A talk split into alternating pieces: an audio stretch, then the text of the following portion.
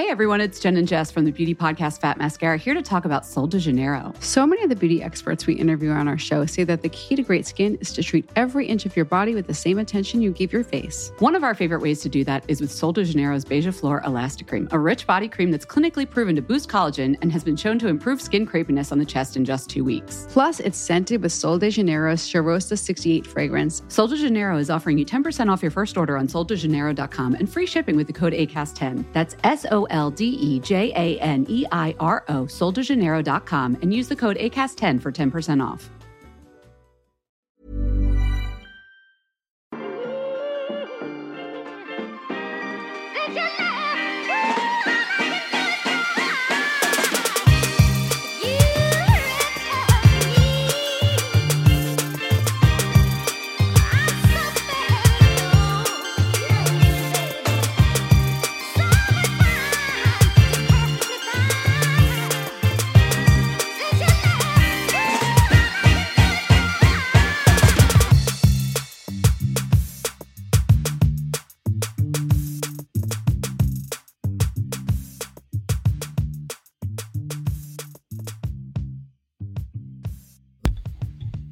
Oppo, hur är läget? Det är bra. Är du taggad? Ja, jag är, ta- Äntligen är taggad. podda. Ja, äntligen får jag po- podda. Äntligen är det här.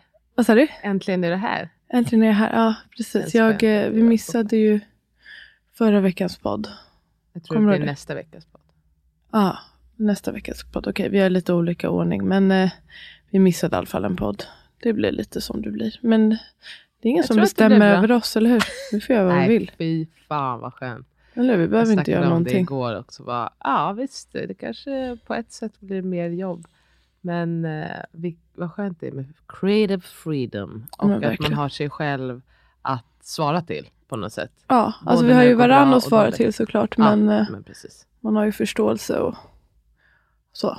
så är det blir ju så- bra ändå. Alltså, men du har gjort avsnitt utan mig och jag utan dig. Och det går ju också bra. Även om det inte alls är lika roligt. Ja, jättebra. Jag, ska, jag har inte lyssnat på ditt avsnitt än som du gjorde igår med Amanda Exakt, och Isabelle. och Isabelle. Men jag ska lyssna på det och klippa det snart. Hoppas du Ehm, ska gilla det. Hur mår du? Det är mycket Jag, jag sa det, jag mår lite illa men det lägger sig säkert snart. Jag eh, har precis åkt bil så jag blir lite åksjuk. Och jag kommer precis från flygplatsen som du vet. ja. Så det var lite, jag stressade lite för att hinna med um, Arlanda Express och komma hit. Och så hade jag tänkt att jag ska hinna hämta mina barn. Men nu tror jag det är kört. eh, men det är okej och jag har typ fem miljarder grejer att göra. Faktiskt. Men jag försöker keep it chill. Um, Det lät ganska jobbigt. Men nej, men jag har faktiskt väldigt bra mycket att göra. Jag har sagt ja till för mycket faktiskt. just det. Jag har Det blivit tillsagd man- av min man nu att ta bort några saker. Det är väl eh, inte fel. Ibland behöver man en liten push också. Och bara, okej, men nu får jag bara hård prioritera. Mm. Det är ju inte för alltid liksom. Nej, precis. Oj, det brummar lite där ute, men om ni undrar så vi sitter i en studio som är precis vid I city. i city. Så det låter lite city life.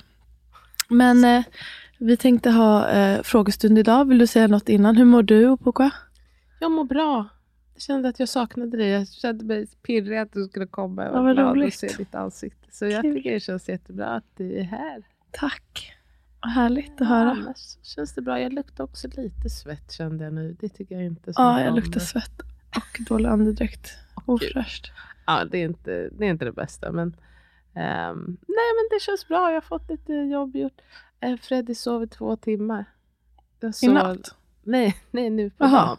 okej. Och han har börjat köra bara så här, äh, 35 minuter. Så liksom jag, jag var som när han var nyfödd. Att jag var, äh, lever han Är det okej? han Ja. Och då nästan satt och petade på honom. Men jag var inte riktigt that desperate. Men eh, det var jätteskönt att, att få lite gjort och sitta på mitt favoritcafé Slow Hands och jobba på. Mm. Ja, men it's all good. Vi kan plugga vår kurs, hypnokurs.se. Det var länge sedan känns det som att vi pratade om den. Mm. Eh, det Mycket toppen uppskattad är den. Kurs. Vilket Ja, är kul. den är mycket uppskattad. Det är jätte, jätteroligt helt Ja. enkelt. Eh, och så har vi en bok som heter Föda. Och den är också mycket uppskattad. Får jag säga en grej bara om hypnokurs? Bara Ja, om det är några nya här. Att det, det är alltså en, en förlossningsförberedande och postpartumförberedande kurs inspirerad av hypnobirthing där man får andningsövningar, avslappningsövningar, massa kunskap. Ehm, ja, Ja. som hjälper förhoppningsvis dig som lyssnar på den att få en lugnare, mer positiv födsel. På tal om det så var jag ju och föreläste på doula-utbildning i helgen. Mm, jag såg det. Kul. Ehm, och då var det en av dem där som sa att hon hade köpt våran kurs. Mm. Och, eh, att, alltså något år sedan. Och att hon hade lyssnat på affirmationsspåren hela tiden. Och det var väldigt gulligt. Hon sa tack. Och det var väldigt, eh, jag tyckte det var mysigt att träffa någon IRL som berättar om bara, ja jag hörde din röst under hela födseln. Och så. här. Det är Härligt. så overkligt nästan. Att folk verkligen har den hela vägen in i det sista. Hela vägen in i kaklet. Ja. Nej, men kul. Hypnokurs.se, där hittar ni den. Och våran bok, eh, det är folk som skriver till mig om den med det här med ljudboken. Att den har stått på kommande på Bookbeat tydligen. Ja. Och att den har varit för, och det är de, vissa som verkligen hänger in på laset där. Och nu är den tydligen borta. Så jag ska luska i varför. Men den ska komma. Vi har spelat in klart ljudboken av eh, våran bok Föda. Eh, som också är förlossningsförberedande. Men vi säger till när vi vet när den finns. Men snart borde det vara. Mm. Ja, jag trodde faktiskt att den skulle vara ute redan. Ja, jag vet. Jag kan, Men, den kanske är det när det här sänds. Men vi kommer informera. Vi informerar, det ska vi investigera. Ska vi köra Okej, igång med frågor? eh, Vi kör igång. Vi ska ju ha lite frågelåda idag. Så jag börjar. Vi har alltså bett om frågor från på Instagram. Vi, ni kan följa oss där, okrystat.podcast på Instagram. För övrigt, om ni vill. Yes. Okej, go for it. Då kör vi. Hur hanterar man rädslan för att inte kunna älska andra barnet lika mycket som första? Till frågan hör också att jag ibland kan känna mig irriterad på barnet i magen. Typ, just nu passar det liksom inte att du sparkar. Jag umgås med mitt andra barn. Och att jag redan känner så skrämmer mig oerhört mycket. Jag tänker som med mycket annat, liksom acceptera att man inte vet allting. Du, det är väl helt normalt att, vara, att ha svårt att greppa att man ska kunna ta in en annan liten person lika mycket som man älskar den här sitt första barn. Och eh, sen tycker jag också att det får vara okej. Alltså det kan, det kan ju vara en annan relation men med största sannolikhet kommer du att, om inget annat med tiden, att även älska det här andra barnet. Men du känner ju inte den nu. Precis. Och det är olika hur, man, hur väl liksom man känner den där äh, anknytningen redan när barnet är i magen. Oavsett om det är första, andra, tredje. Ehm, men eh, liksom ens hjärta har öppnats en gång. Det kommer kunna göra det en gång till. Och det är också en Ja. annan dimension också att se syskonen tillsammans. Liksom Verkligen. Och så mäktigt. tänker jag också att så här, ett, när man liksom väntar ett till barn så är man ju medveten på något sätt om att så här, men, oavsett hur man känner så kommer ju det lilla nya barnet ta ganska mycket tid och det är ändå tid från det äldre barnet. Och att jag tänker att det kan också spela in i att man känner det här, så här "Ja, men stör inte nu för att nu vill jag verkligen maxa min tid med mitt äldre barn för Mm. jag kommer inte ha samma förutsättningar. Så det kan ju också liksom handla om en sån grej. Och sen liksom kan det ju vara en omställning att man, man vill ge jättemycket tid till båda två eller alla tre. Men att man också liksom får acceptera att ja, men det är som det är just nu men det är inte så här för alltid. Det förändras ju hela tiden och, och med tiden kommer man kunna fördela sin tid annorlunda. Mm. Liksom. Och att du, det får ju vara okej att också sörja att nu blir det en förändring. Och Mm. då, det är ju någonting som går förlorat men det är ju också massa, massa man får tillbaka. Så jag tänker att vara liksom snäll mot sig själv och acceptera att man inte vet hur det kommer bli och ha tillit. Typ. Ja, precis. Mm. Eh, nästa. nästa. Vad är era tankar kring KUB ehm, eller fosterdiagnostik? Har ni gjort det?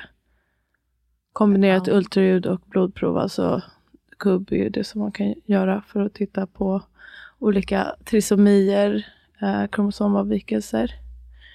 Eh, man får, eller det är inte någon diagnos, men man får en sannolikhet då. För hur stor sannolikhet det är att man har det och så kan man gå vidare och göra andra tester om man har hög sannolikhet. Ehm, jag har gjort det med båda barnen, kommer göra det den här gången med. Det, mina tankar är, och det jag säger till de som jag möter gravida, att eh, valet är ditt. Eh, man ska också veta lite, sen är det svårt att kanske sätta sig in, men ha någon tanke på att prata om vad har man tänkt göra med informationen. Mm. Det tror jag är jätteviktigt. Och varför gör man det? Exakt. Eh, för jag tror kanske ibland att man gör det lite för att säga, åh, ultraljudet, då ska jag få se barnet, så kanske man inte har tänkt längre än så. På, jag vet inte hur det är på alla mottagningar, men vi på den MVC jag jobbar på, då kan man välja, då erbjuder man, eh, du kan antingen göra kubb eller så gör du tidigt ultraljud. Alltså ungefär Ja. lika veckor. Du behöver inte göra just med blodprovet och så ha sannolikheten. Har det ni- kan eventuellt vara nytt. Alltså har ni, jag kommer ihåg nu ehm, sist, då hade jag inte fyllt 35 och då sa de att, jag, nej, de sa Men nej först. Det var pandemi tror jag, grejer. Det var ju bara förra Efterskall. året. Ja, jag, eller så är det olika. Men det, nu, Nu får vem som helst göra det. ja, i alla fall som vi har det, så får vem som Ja. helst göra det. Ehm, ja, det var förra året. Men jag vet att under pandemin så blev det i alla fall restriktioner kring det. Och man hade begränsade möjligheter att göra eh, olika typer av ultraljud. Ja. Jag bad att få göra det i alla fall. eh, och- jag skulle ju, alltså ja, om han kom när han var beräknad så skulle jag vara 35. Så då sa de att det var okej. Mm. Eh, Men jag har väl tänkt lite som dig. Att, alltså jag har ju diskuterat det med min man innan. Vad gör vi med resultatet?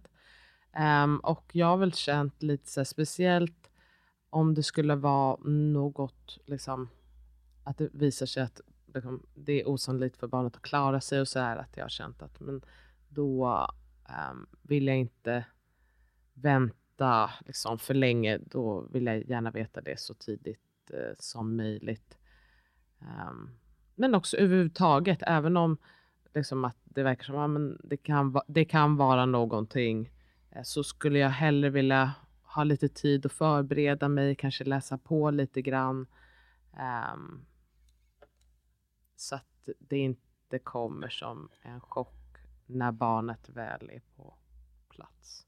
Så Mm. har jag tänkt lite. Mm.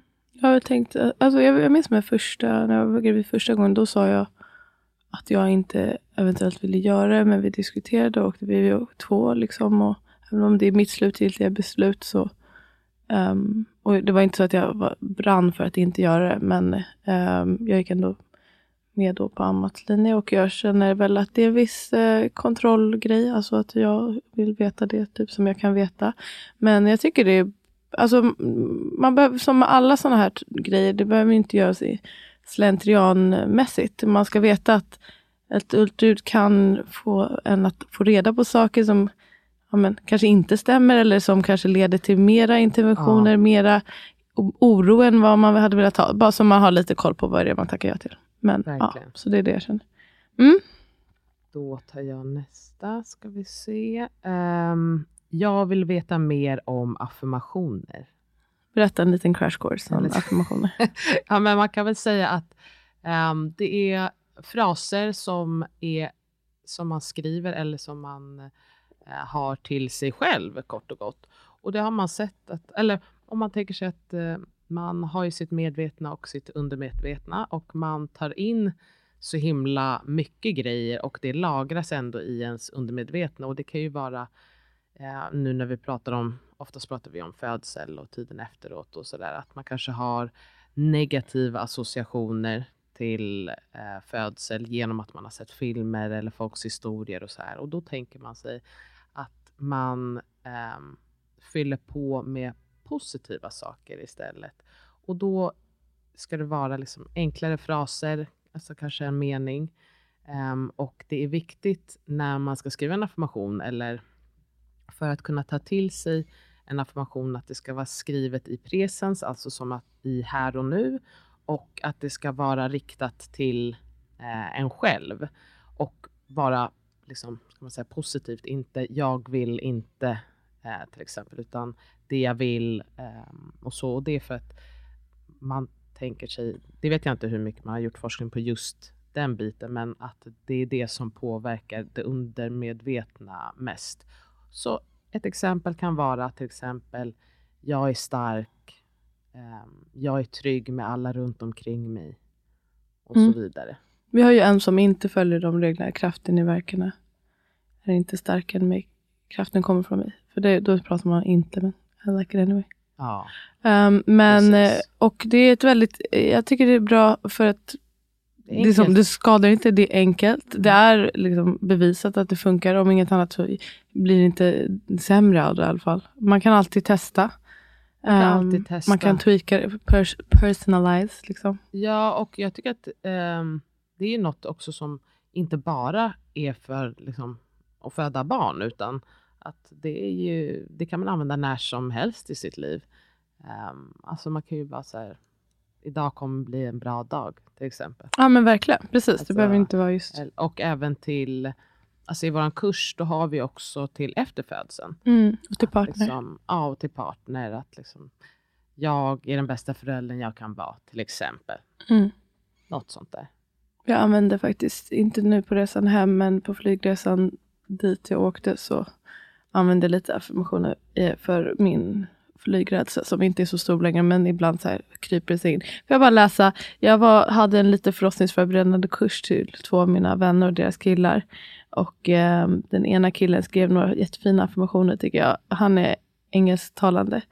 Eh, som jag gav dem i läxa att de får skriva och så sätta upp. Han skrev så här. You got it, all you gotta do is keep it. var en han hade. Jättefint. Och sen en annan var breathing through the motions. Um, I have energy to see everything through. Och den sista, love is acceptance and I accept us.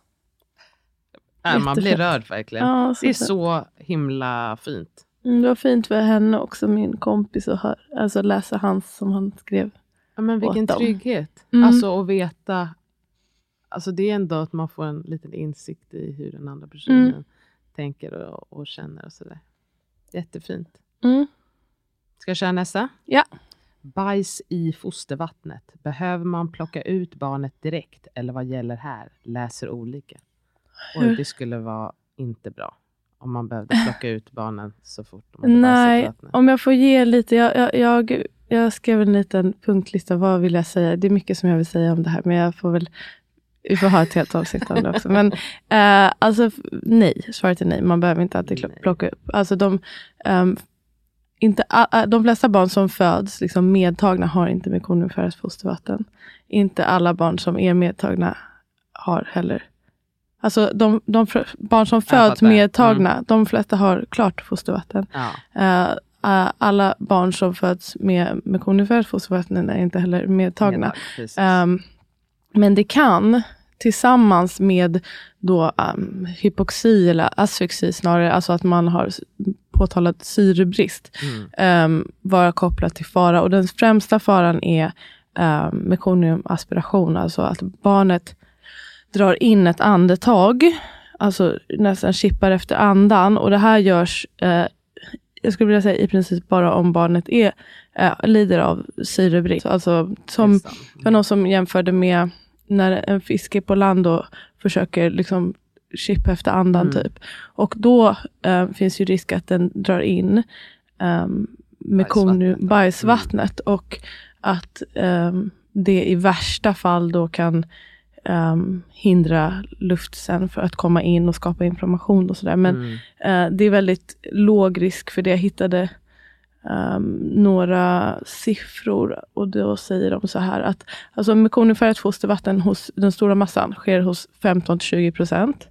Eh, jag skulle vilja alltså. påstå att det kanske är mindre nu eftersom induktionerna ökar och mekonium är vanligare eh, med överburna barn. Eller ju närmare, liksom, ju, ju äldre de är. Mm.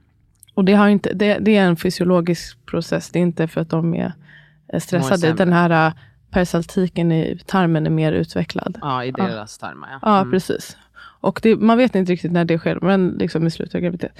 Men så 15-20% sk- sker detta. Och hos dem så är 95-98% de kommer må bra. 98 till, eh, Det är ganska bra Ja. Ehm, men 2-5% av dem då som har mekoniumfärgat fostervatten kommer diagnostiseras med mekoniumaspiration. Och av dem 2-5 procenten så är det 95-97 procent som kommer återhämta sig helt. Men eh, 3-5 procent kommer inte att återhämta sig. Uh, och vad som påverkar beror på olika saker. Hur tjockt mekoniumfärgat fostervatten är, det är också bra att ta hänsyn till. Uh, och det tar man också hänsyn till. Alltså är det bara lite mekoniumfärgat eller är det tjockt mekoniumfärgat mm. kanske är, man ska reagera på mer. Och vilka andra interventioner har gjorts och sådär. Och i värsta fall, för en liten, väldigt liten del, men kan det här ju leda till döden. Och därför är det också någonting som man um, ska tänka på. Men mekoniumfärgat fostervatten i sig inte. är högst troligt inte en fara. Och det är just när det är kopplat till asfyxi och det kan man i de allra flesta fall um, märka av tidigare med hjärtfrekvens. Och man kollar ju hjärtfrekvens på olika sätt. Så det är min korta version. Men ja, det finns mer att säga om det. Men svar nej. Svar nej, det var mm. ändå... Mm, ja, man behöver inte vara livrädd för det här.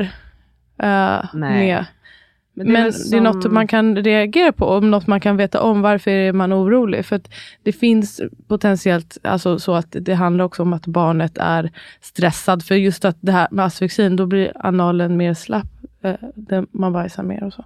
Ja, um, ja det jag skulle säga var väl bara att, alltså som med mycket grejer, att det är svårt att ta en isolerad händelse alla gånger och säga så här, ja men det här nu är det kejsarsnitt. Alltså oftast är det ju liksom, det är inte bara mekonium utan att man kan titta på andra parametrar och det är inte bara så här, det faktum att de bajsar, det är det som är, är livsfara utan är, Man måste ju titta på helheten. Exakt. Vad är det som kan orsaka det? Mm. Och um, ja, ibland så Ja, men man, det är inte så lätt att hålla koll på. Nej, det är inte lätt att veta. Alltså, vissa tänker ju verkligen, alltså den bajsvatten, eller så här, jag hade navelsträngen runt halsen, så har man sett, tänker man att det är så här, en kom, farlig komplikation, för man har typ mm. hört det.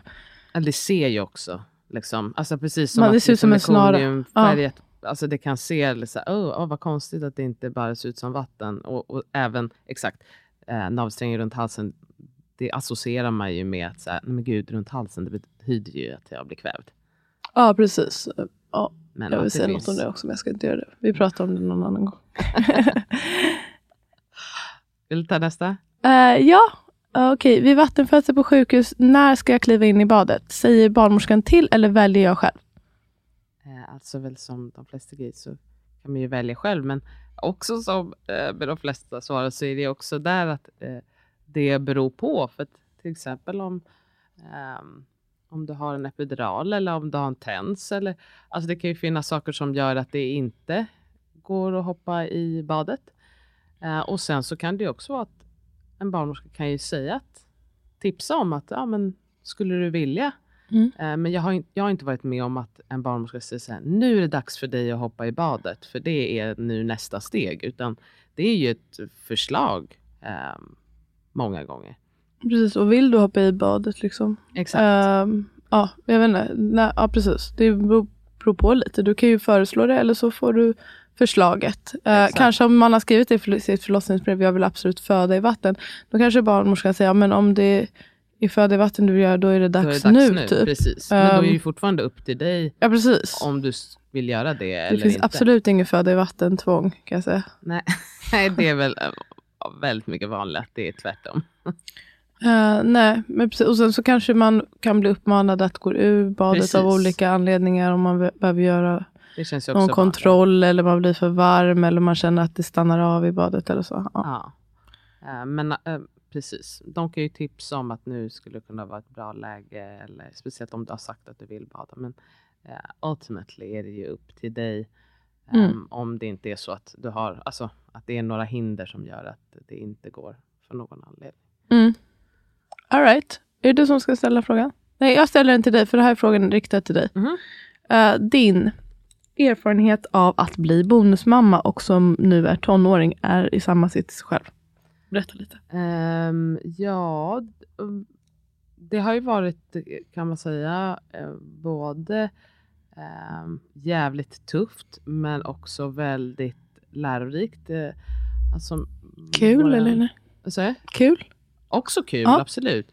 Um, alltså våran tonåring är ju mitt första barn. Och har ju varit liksom verkligen utformat mig till den föräldern som Ser jag du honom är som, idag. kände du det även i början, att det här är mitt barn? Eller har det kommit Nej, senare inte i när du... början. Alltså ju har mer vi har lärt känna varandra. Ja. Liksom.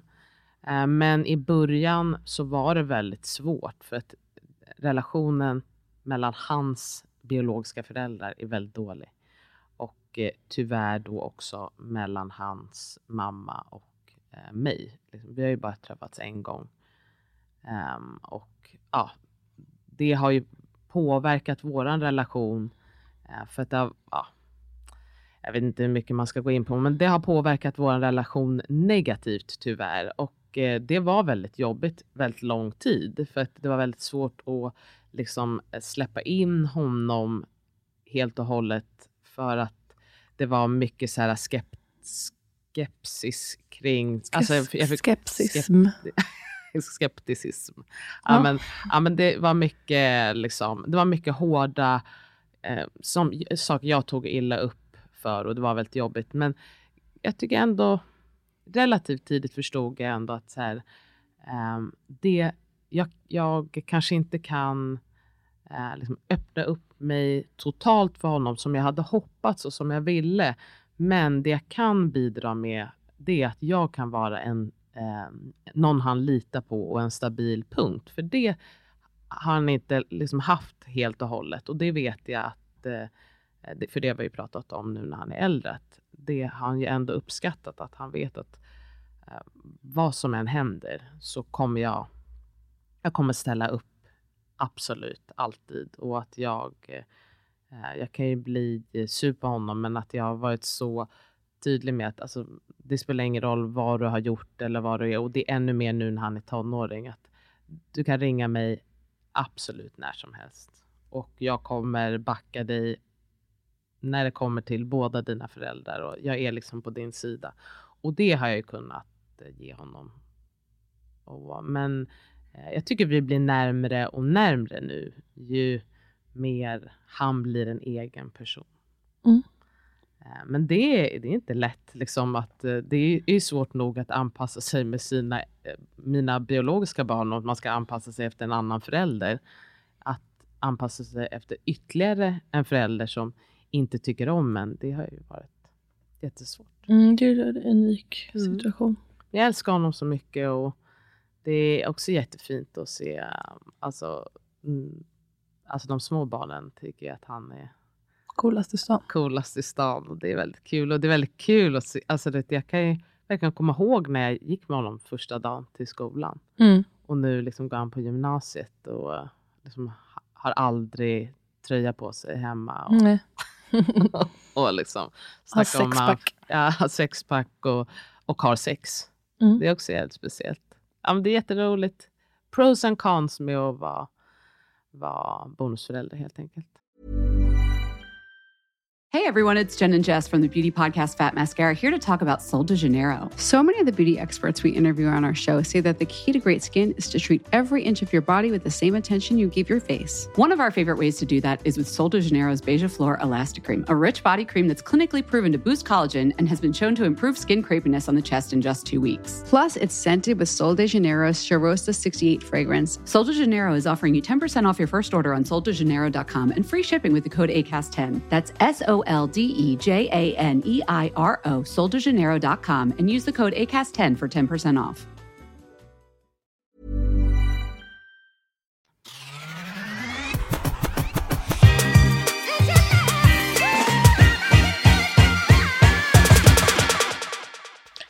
Hit me. With your rhythm stick. Okej, här ska vi se. Eh, kan ni berätta kort varför Opu valde att bli doula och Asabia valde att bli barnmorska? Jag Det tycker vill det är så säga. roligt när, du, när de skri- skriver OPU. Det är många som, kan, som skriver just Opu. Man kanske tycker det låter så OPU. Därför jag ändrade i alla fall inte det. Okej, mitt namn stavas O-P-O-K-U-A och Mm. det uttalas också namn. Opo. Weird name. Så det är Opo, O-P-O om det är någon som vill skriva till mig i alla fall. Men jag kommer svara även fast jag har skrivit Opu. Ehm, varför jag valde att bli doula. Och det känns som att det är en fråga som jag. Kan inte du svara på varför Jag du svarar åt dig. först? Ja, ja, men du kan också svara åt mig. Uh, din, du är inte passionerad om födande. Det är inte din passion. som brukar jag ofta säga. Men... eh, Gud, det lät inte alls trevligt. alltså, eh, men jag tror att du hittade det um, via... du jobbade på palliativ avdelning, stöttade folk i livets slutskede. Eh, det kanske öppnade den första dörren till doleriet, fast du inte visste det då, att det var lite dödsdola. Och sen så fick du äran att närvara vid flera personers ehm, födslar under ett år. Din bästa vän och dina systrar. Och du kände, det här är jag fan bra på. så, jag kan pensionera mig. Du kan bara svara på alla frågor. trots brist, trots ingen passion, så födandet, utbildade så- du dig med Emma Philipsson och eh, jag vet inte vad den andra Anna. Talve. Anna Talve älskade den utbildningen gjorde du eh, och sen på den vägen är det och eh, Kan man du säga. gillar det mycket. Ja, jag vill också bara lägga till att jag har en passion för att stötta människor och att Ja, vara precis. en, en eh, trygghet, äh, att Mm. skapa trygghet i en situation som är så pass stor som födandet men då också döden. Det är ju är liksom, eh, man kommer ju, oavsett hur det går så kommer ju komma ihåg sina födslar tror jag ändå för de flesta resten av Kom ihåg livet. dig. Jag tror inte man kommer komma ihåg mig kanske precis. Men man, man, det är därför jag blev att alla ska komma ihåg mig. Nej men att jag eh, vill ju ändå att folk ska komma ihåg sina födelser på ett positivt sätt. Och om jag kan vara med och bidra till det Mm. så känns det väldigt fint. Men just, alltså det är ju väldigt många som frågar mig om, ah, men ska du inte bli barnmorska? Eller du, Mm, jag ska, tror det är du vill därför, väl jag bli tror det är därför du säger, Det är därför jag vill försöker poängtera. Exakt, och inte att jag på något sätt ogillar födandet. Men det är inte som att säga, åh jag vill dyka ner i eh, liksom det på ett medicinskt plan. Mm. Jag tycker det är, det är mycket som, jag skulle säga att kanske att jag har blivit mer passionerad kring födandet och då mer kring liksom, eh, ska man säga, det mjuka, alltså det mentala och, och de bitarna. Mm. Eh, liksom, och det spirituella, det tycker jag känns så fint och även på spartumtiden har jag ju verkligen nu, inte minst när vi håller på med boken, det känner jag mig faktiskt väldigt passionate about. Inte en helt opassionerad person, Nej. vill jag bara lägga till. Där Det är så, jag vet inte varför jag tycker det är så kul när du säger det. Ehm, ja, vill du svara åt mig? Om se om du känner mig. Eh, nej, jag känner inte dig. Nähä. Du blev... Du jobbade på gyn. Och det var där du bestämde dig för Nej, att bli nej, barnmorska? nej. inte? Jag har inte lyssnat. Alls. Nej, vad så här. dåligt. Jag skulle ju eh, faktiskt bli läkare. Om Ja, men minns. det vet jag ju. Jag gjorde naturvetenskapligt basår på kom- komvux. Ja. ehm, pluggade så naturprogrammet då. Och så gjorde jag högskoleprovet väldigt många gånger. Ehm, och pluggade verkligen för det och var så här, jag ska bli läkare, inspirerat av min pappa bland annat. Ehm, men då under tiden, det är ju svårt. Jag kom vidare till det här Uh, interv- ehm, nej, till kunskapstestet. Alltså man kan få, efter, om man får ganska bra på högskoleprovet kan man komma vidare och göra kunskapstest. Och därifrån, om man klarar det bra, ehm, så kan man komma vidare till intervju. Men jag kom inte vidare till intervju. Och där någonstans så var jag bara så här, vad ska jag hitta på? Ehm, jag började plugga till sjuksköterska, men fortfarande så här, jag fortsätter försöka bli läkare. Men Mm. det är väl en bra grej att kunna omvårdnaden typ Ja. också. Och då under sjuksköterskeutbildningen började jag jobba som undersköterska på förlossningen. Ah, Eh, och då, ja, det hade inget med gyn att göra. och då eh, så öppnades väl ögonen upp för barnmorskeriet skulle jag säga. Um, men också, jag, jag tror att liksom, om man säger den första dörren öppnades nog på, på ungdomsmottagningen som ungdom. Alltså i träffen med de barnmorskorna där. Att jag kände redan då, kommer jag ihåg, att det här, jag tycker om det de håller på med. Alltså att de, var roligt att få prata med unga människor på det här öppna sättet. Och jag tyckte det, det verkade kul, så jag tror att därför såddes något typ av frö. Mm. Och sen sökte jag mig till gyn för att eh, jag visste att jag ville bli barnmorska sen.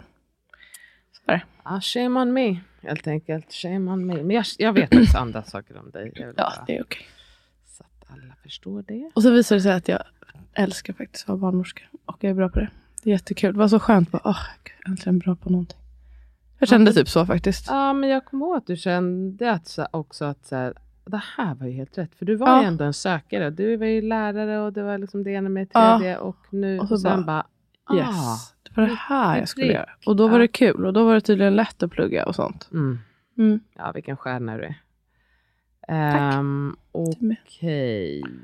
Har inte fått tillbaka min mens efter fyra månaders avslutad amning. Har ni något tips på hur man kan kicka igång det? Jag är nyfiken på när, hur gammal ditt barn är för det första. Det spelar lite roll. Men um, ja, alltså det där tar lite olika tid. Efter fyra månader har väl de flesta fått tillbaka sin mens. Om det är så att man har en regelbunden mens um, från början.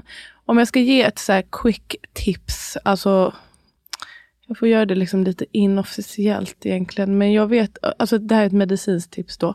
Ja. Um, som jag vet ändå många, uh, rent, anekdotiskt, men många också i min närhet har blivit hjälp av för att få tillbaka.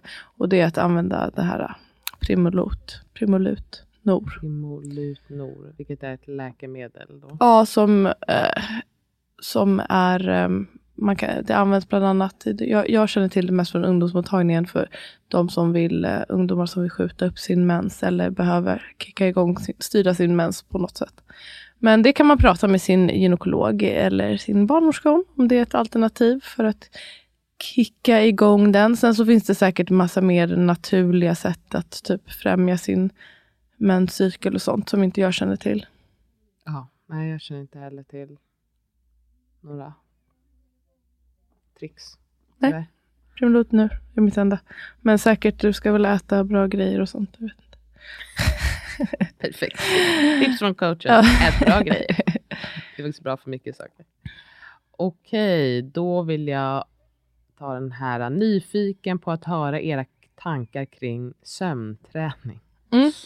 Ja, det kommer tyvärr bli ganska kort för mig. Jag, jag har ingen erfarenhet av sömnträning och jag tycker väl som med mycket att eh, är det något som man är sugen på så testar man väl det och är man inte så intresserad så kommer barnet klara sig nog bra även om man inte sömntränar. Jag ska vara ärlig och säga att jag är liksom inte helt införstådd med hur, vad man menar med sömnträning. Det finns ju olika, massa olika meto- metoder. Alltså det finns ju lite mer hårdare varianter och lite mer kritiserade. Alltså med typ fem minuters metoden. Att man låter dem gråta och att man ökar på tiden då typ så här, som de är själva. Um, alltså att man vill att barnet ska sova själv är ofta målet. Ja, okej. Eh, sen så finns det lite mera liksom, mjukare och långsammare metoder. Det finns massa olika sömnträningssätt. Men målet brukar ju vara att barnet ska kunna sova själv och typ sootha sig själv. ja. Ehm, alltså ja, sova bra typ. Eh, jag har inte gjort det här med något av mina barn. Ehm, Hur har de kommit igång och sov, börjat sova själva då? de sover inte själva.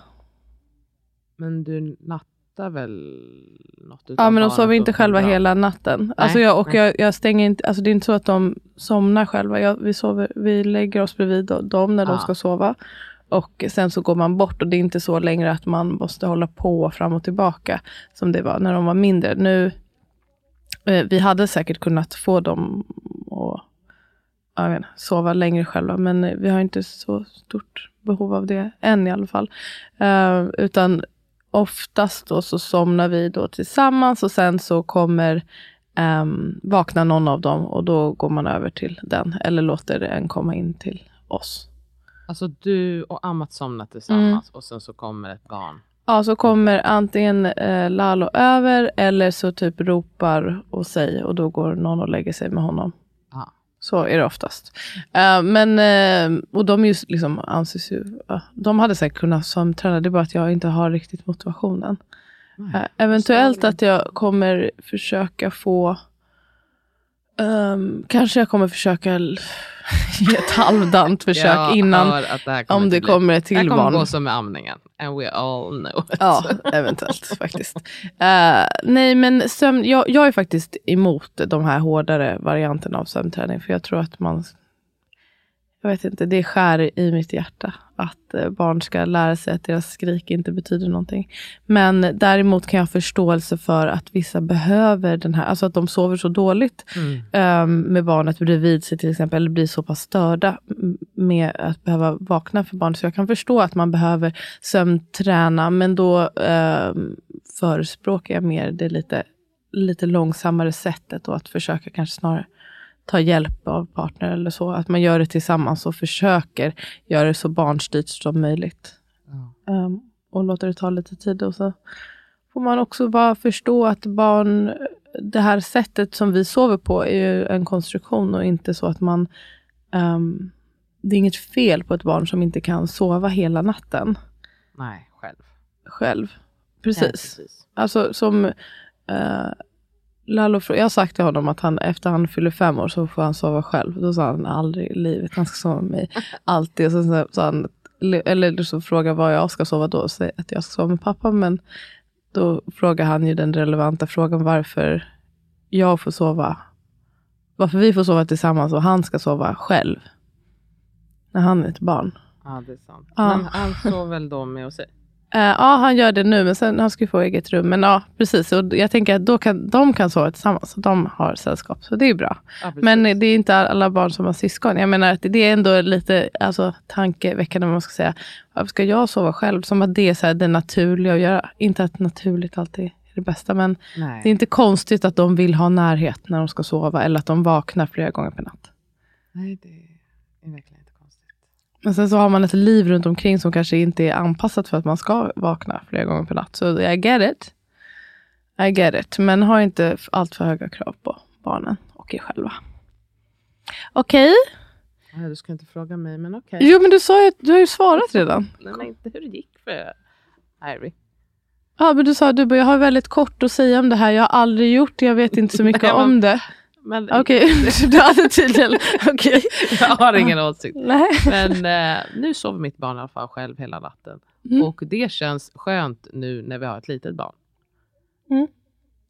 Sömntränade Och, ni eh, eller? Eller var det Nej, någon men, träning? eh, när hon fick ett eget rum och det fick hon ju inte förrän hon var fem år. Då också liksom peppade vi inför att så här, ah, men sen när du får ett eget rum då kommer du liksom få sova där inne och eh, det blev ju också någonting som hon tyckte var roligt.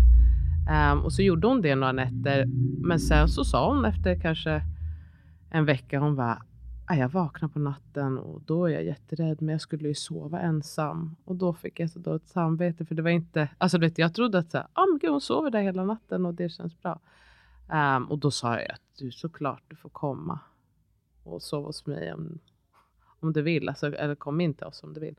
Ehm, men sen så nu har jag också min man sovit inne hos henne mycket för att liksom, han tycker att det är så jobbigt så som jag och Mm. Freddy sover. Mm. Så då sover hon ju liksom inte ensam ensam. Men då även nätterna när hon gör det nu så går det bra Bra. i tiden.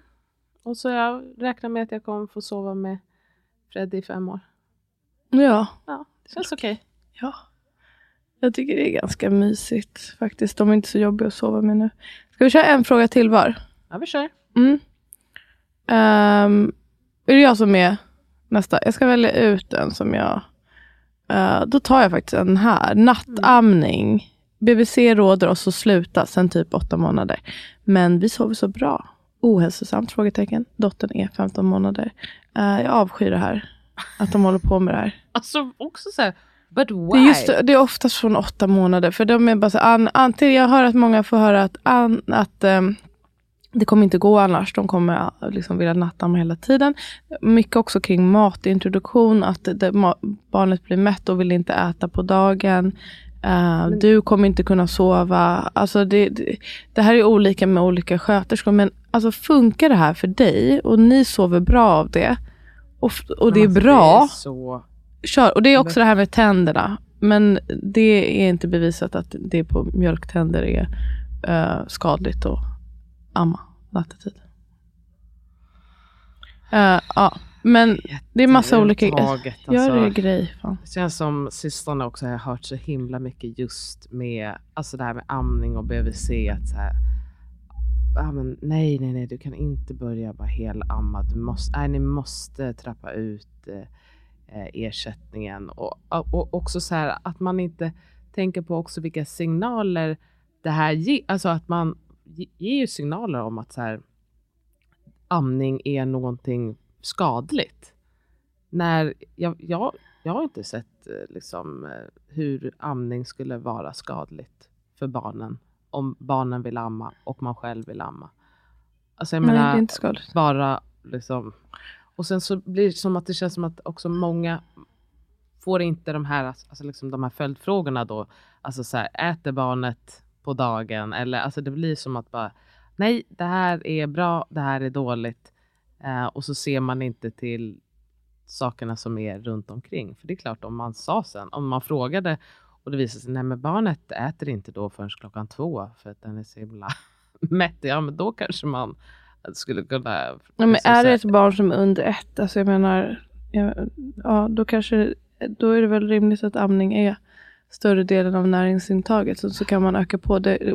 Barn har inte heller en klocka på det sättet att man har sex månaders dagen, då är det liksom mat. Alltså man var lite, jag vill bara, jag svarar till den här personen att jag tror att det låter på dig att du vet vad din eh, instinkt är här och följ Ja, den. Följ den. Ja, ditt, du kan se om ditt barn mår bra och du kan känna om du mår bra av det här. Precis. Det En sista fråga från UBU. Ehm, då tar jag den här. Har Asabia fått kommentarer kring hennes annorlunda graviditetssymptom och kön på fostret barnet? Reflektioner kring ämnet om ni vet någon vetenskaplig grund kring symptom och kön. Där, visst. Om jag har. Ja, okej. Ja. Eller säg vad du skulle säga. Nej, men jag kommer ihåg att du hade väl med One Million Babies. Mm. just det här med jag kommer inte ihåg vad det var. Hyperemesis. Ja, hyperemesis. Alltså svårt, svårt graviditetsillamående. Då såg man, har man sett studier att det är lite större chans då att man bär en flicka. Och då är det många som skriver till mig. Jag hade hyperemesis och det var en pojke.